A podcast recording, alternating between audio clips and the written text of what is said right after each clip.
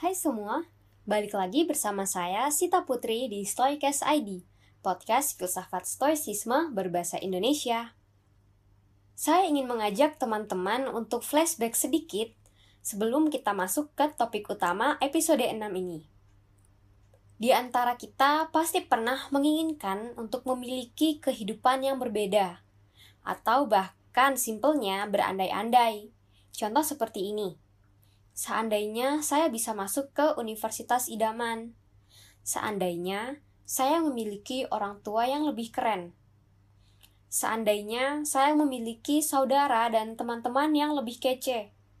Seandainya saya lolos beasiswa ke luar negeri. Dan seandainya seandainya yang lain. Dalam stoicisme, Alam semesta itu dianggap sebagai suatu keteraturan dan memiliki keterkaitan antara satu peristiwa dengan peristiwa yang lain. Hal ini berarti bahwa hal-hal yang terjadi dalam hidup kita hingga saat ini sesuai dengan rantai peristiwa dan hukum alam. Tapi sayangnya, jika kita terlalu sering berandai-andai seperti tadi, kita akan sulit menerima apa yang sudah digariskan kepada kehidupan kita. Ya, betul kita akan berbicara tentang nasib. Dan hal yang paling sulit kita lakukan adalah menerima apa yang sudah digariskan kepada kita. Baiklah, kalau begitu, tanpa harus berlama-lama lagi, kita langsung aja yuk masuk ke pembahasan utama episode 6 ini, yaitu tentang amor fati atau mencintai nasib.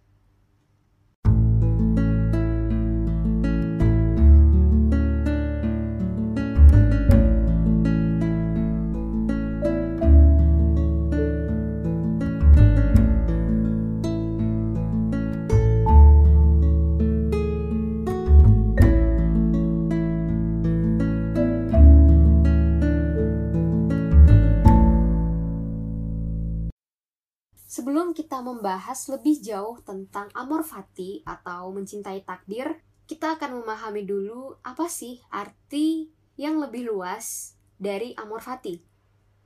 Filsuf Jerman, yakni Friedrich Nietzsche, mengatakan bahwa amor fati adalah formula untuk keagungan manusia.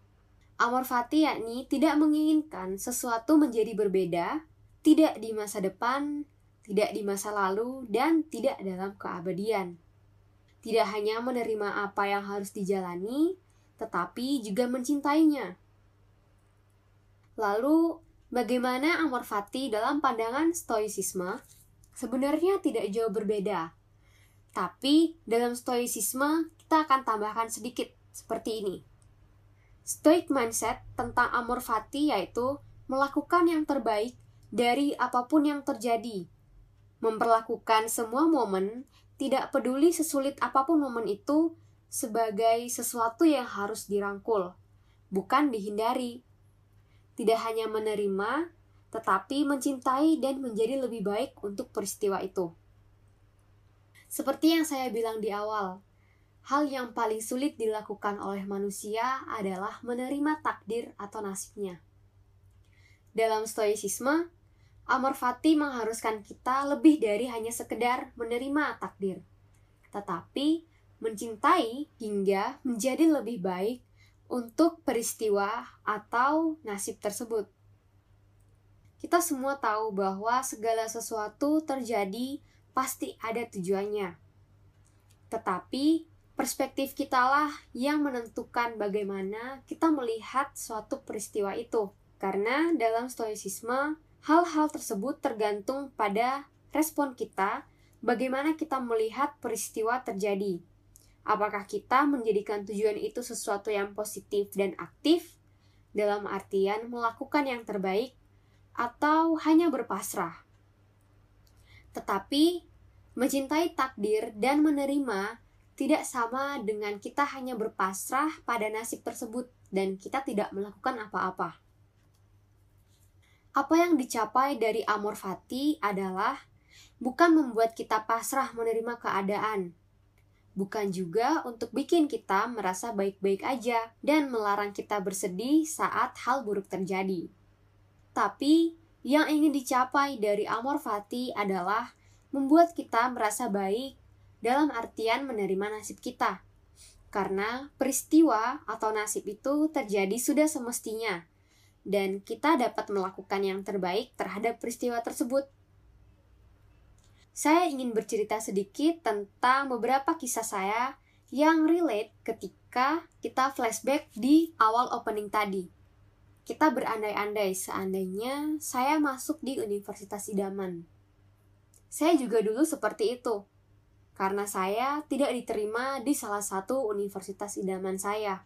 Singkatnya, karena saya terlalu sering berandai-andai, saya menjadi sedih dan tidak bisa menerima takdir saya atau apa yang sudah digariskan kepada saya. Selain itu, saya yang berasal dari keluarga broken home tentu saja sering sekali berandai-andai. Andaikan saya berasal dari keluarga yang utuh, andaikan orang tua saya tidak bercerai. Andaikan saya tidak mengalami hal-hal buruk ini. Saya juga sempat menganggap bahwa hidup saya tidak adil. Hidup saya tidak pantas mengalami peristiwa menyakitkan seperti ini. Tetapi pada akhirnya setelah saya mengetahui dan mempelajari hingga mempraktekkan filsafat stoicisme, saya menjadi paham tentang amor fati Tentu saja proses penerimaan tentang kehidupan saya berangsur dalam waktu yang tidak singkat.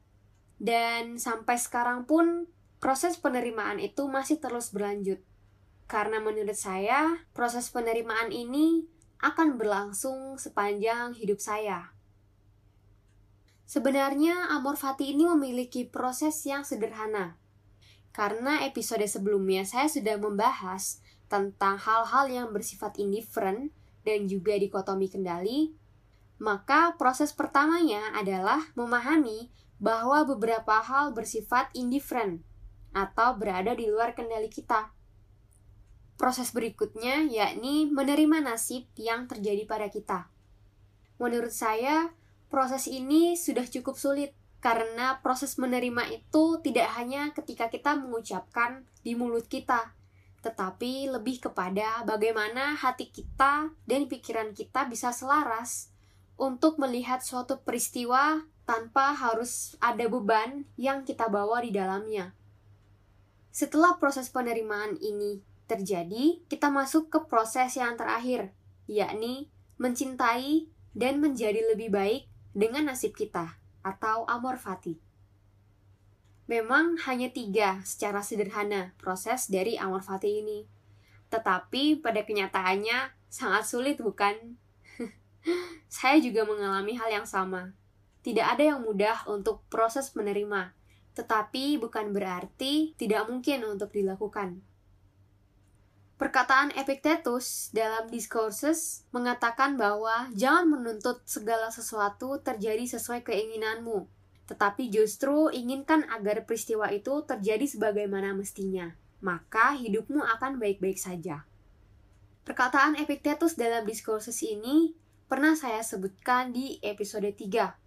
Bisa diartikan bahwa sebenarnya jika kita terlalu menuntut peristiwa untuk terjadi sesuai dengan keinginan kita, kita akan kecewa karena pada dasarnya apa yang sudah ditakdirkan atau digariskan kepada kita itu berada di luar kendali kita, bukan? Maka dari itu, saran dari Epictetus adalah menginginkan peristiwa itu terjadi sebagaimana mestinya. Jika suatu peristiwa terjadi dan kita digariskan untuk mengalami peristiwa itu, berarti ya itu sudah sesuai dengan apa yang diinginkan oleh alam semesta ini. Karena segala sesuatu terjadi akibat dari keterkaitan antara satu peristiwa dengan peristiwa yang lain. Dalam buku filosofi teras juga disebutkan bahwa saat kita bisa melihat peristiwa, terutama peristiwa buruk yang terjadi kepada kita, kita bisa melihat peristiwa tersebut sebagai kesempatan untuk berubah menjadi lebih baik. Oleh sebab itu, menginginkan peristiwa buruk ini terjadi menjadi lebih bisa dipahami. Terkadang segala sesuatu itu terjadi karena ada alasannya, walaupun kita tidak tahu apa alasan sebenarnya. Kebanyakan orang kadang terlalu sering memikirkan apa sih alasan dibalik suatu peristiwa itu terjadi, hingga mereka lupa untuk menikmati hidup mereka saat ini, Ya, kita terlalu sering melihat ke belakang. Padahal dalam filsafat stoicisme, masa lalu itu sudah mati. Masa lalu itu tidak ada hubungannya lagi dengan kita. Stoicisme meminta kita untuk menikmati kehidupan kita saat ini, sekarang ini, detik ini. Kita juga bahkan tidak disarankan untuk terlalu mencemaskan masa depan, karena kita semua tahu bahwa masa depan itu penuh dengan ketidakpastian. Jika dapat disimpulkan dari episode 6 ini, kita bisa memahami bahwa proses menerima adalah hal yang paling sulit dilakukan oleh manusia. Tetapi bukan berarti kita tidak bisa untuk melakukannya. Mindset stoik tentang amor fati yaitu tidak hanya sekadar menerima nasib, tetapi juga mencintai dan melihat secara positif alasan di balik peristiwa itu terjadi. Sehingga kita bisa memberikan respon dengan bijak dan menjadi lebih baik di kemudian hari. Kita juga harus paham dan menerima fakta bahwa segala sesuatu terjadi karena ada alasannya. Apa pun alasan itu, kita memiliki kapasitas untuk melihat alasan ini sebagai sesuatu yang positif untuk diri kita. Terakhir, sudahkah kalian mencintai hidup dan nasib kalian saat ini?